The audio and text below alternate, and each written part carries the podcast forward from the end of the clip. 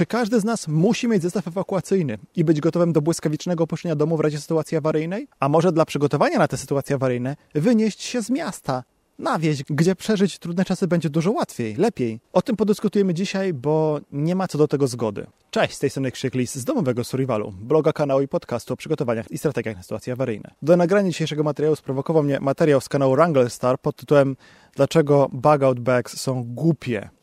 I dyskusja, którą toczyliśmy ostatnio. Normalna, piękna polska zima, jakby, się, jakby śnieg sypał, a on się sypie z drzew.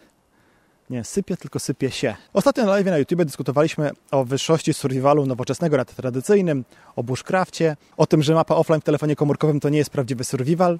Nie chcę do tego wracać, bo to nie ma sensu. Kawałek później po tej dyskusji ktoś zapytał, czy mieszkając w domu na wsi też musi mieć zestaw ewakuacyjny. Ja odpowiedziałem, że oczywiście tak. Bardzo dobrą strategią przygotowania sytuacji awaryjnej jest po prostu przeniesienie się dziś z miasta na wieś, pod miasto, gdzie te sytuacje awaryjne mogą być mniej dotkliwe, gdzie łatwiej o żywność, gdzie można mieć duży zapas opału i autonomiczny energetycznie dom jednorodzinny, a nie mieszkać w bloku, gdzie jak nie ma prądu, nie ma wody, nie ma gazu, nie ma ogrzewania, to nie ma niczego. Są tylko głodni i zmarznięci ludzie. I to jest oczywiście całkiem dobre podejście. Wielu ludzi to rekomenduje. James Wesley Rawls w swojej książce właśnie rekomenduje wyniesienie się dziś do przygotowanego teraz azylu i zbudowanie sobie w tym azylu on tak nazywa to, co ja bym nazwał celem ewakuacji, czy docelowym miejscem, w którym chce się znaleźć. I, I, budowanie w miejscu tego azylu bezpiecznego życia, także w kontekście relacji z sąsiadami, bycia częścią tamtejszej społeczności. I z tej samej perspektywy omawia zagadnienie autor kanału Wrangler Star. Link do tego jego filmu oczywiście znajdziecie w opisie pod filmem.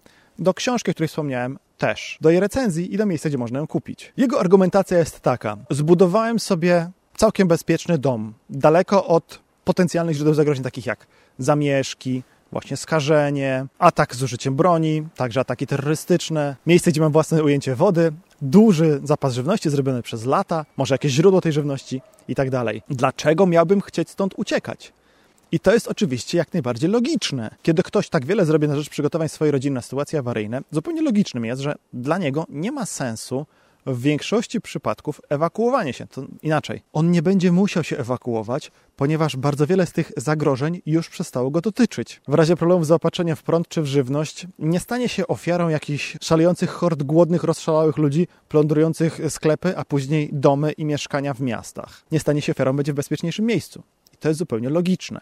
Ale o czym wydaje mi się zapomina, to jest to, że może zostać zmuszony przez okoliczności do tego, żeby się ewakuować. W którymś z filmów wspomniałem, że przyczyną ewakuacji może być pożar samochodu elektrycznego w garażu w bloku. To był po prostu taki przykład. Równie dobrze pożar spowodowany przez samochód benzynowy czy przez samochód z gazem, jeśli się rozniesie na inne pojazdy, może naruszyć konstrukcję budynku, konstrukcję naszego domu. Nie? Rozumiecie? Wybucha pożar, przychodzi strażak, mówi: Pan się musi szybko ewakuować stąd, dlatego że ten dom, budynek może za chwilę cały spłonąć. Nie? Uciekamy. Po czym okazuje się, że już nigdy nie możemy tam wrócić, bo ten budynek albo spłonął w całości, albo tylko jego konstrukcja została do tego stopnia naruszona, że musimy czekać latami na ekspertyzę albo na jego zburzenie, postawienie od nowa. Albo może ktoś w sąsiedniej klatce zechce popełnić rozszerzone samobójstwo, bo proboszcz mu nie płacił pieniędzy. Był taki przypadek ostatnio. I też się okaże, że musimy uciekać, bo ktoś wykrył wyciek gazu, a potem już nie mamy do czego wracać. Takie zdarzenia, kiedy ktoś mieszka w domu jednorodzinnym, oczywiście są znacznie mniej prawdopodobne. Żeby nie powiedział, że niemożliwe. Ale tym, czego ja bym się osobiście najbardziej obawiał właśnie pod miastem czy na wsi w Polsce, w polskich warunkach, to pożar. Po prostu to, że będzie pożar, nie wiem, zacznie się od lasu, czy ktoś będzie wypalał ściernisko, przejdzie to na jeszcze nieskoszone zboże, przejdzie przez otaczające nasz dom pola i sukcesywnie zacznie zjadać kolejne domki w naszej miejscowości, aż w końcu dotrze do naszego. Czyż to nie jest scenariusz, który nas zmusza do ewakuowania się z domu? Oczywiście, że tak. Czy na taki scenariusz powinniśmy mieć zestaw ewakuacyjny? Naturalnie. Może odwróćmy trochę to zagadnienie. Nie do końca chodzi o to, że zestaw ewakuacyjny jest celem samym sobie, że to jest coś, co trzeba mieć. Nie, to jest jeden z elementów, który ma nas przygotować do sprawnego ewakuowania się z domu. Jeśli będzie nam zagrażać front pożaru lasu, być może będziemy mieli dostatecznie dużo czasu, żeby się spakować i z rzeczami zabrać. Podobnie w przypadku powodzi. E, in before uprzedzam komentarze typu nie zbuduję domu tam, gdzie zagraża mi powódź. Bardzo dobrze. A jeśli sygnał o pożarze dostaniesz właśnie wtedy, kiedy jesteś w odwiedzinach u kogoś w sąsiedniej miejscowości, będziesz musiał wracać gorączkowo do domu i zostanie ci czasu na spakowanie 15 minut, zdążysz zabrać wszystkie swoje rzeczy? Pewnie nie. No to sobie zrób ten zestaw ewakuacyjny, zestaw I'm never coming home, czyli przynajmniej te rzeczy, które w razie konieczności ewakuacji, że już tam nigdy nie wrócisz, bo ci dom spłonie, zabierzesz. Czyli rzeczy, które nie pomogą ci przeczekać trzy dni w sali gimnastycznej, gdzie cię ulokuje gmina, czy w lesie uciekając przed bombami, tylko rzeczy, które pozwolą ci odbudować życie później złoto, gotówkę, e, ubezpieczenia, wszystkie inne tego typu ważne dokumenty. Tak? W niektórych sytuacjach awaryjnych będziesz mieć wybór. Będziesz się zastanawiać, czy lepiej jest wynieść się z domu, czy lepiej jest w nim pozostać, nie? I może być tak, że dopiero w pewnym momencie poczujesz, że musisz się ewakuować. Im gorzej będziesz do tej ewakuacji przygotowany, im więcej czasu ci ona zajmie, tym mniej skłonny będziesz, że się zabierzesz i wyjedziecie. A przez to możesz przegapić ten ostatni bezpieczny moment, w którym jeszcze można było to zrobić nie ryzykując za wiele. Czy każdy z nas musi mieć zestaw ewakuacyjny?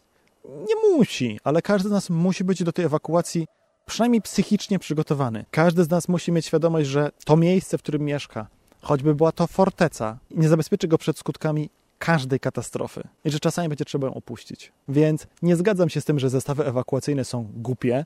No dobra, czasami głupio je budujemy, bo robimy zestaw, z którym przeżyjemy tygodniami w lesie, ale nie wystarczająco do tego, żeby przeczekać trzy dni z kimś bliskim w szpitalu. To po prostu róbmy je mądrze. A jak to zrobić, Krzyśku? Zapytacie. A, kochani, tu jest specjalna przygotowana playlista z takimi materiałami. Więc koniecznie kliknij ten odnośnik i upewnij się, że Twój zestaw ewakuacyjny jest zbudowany mądrze.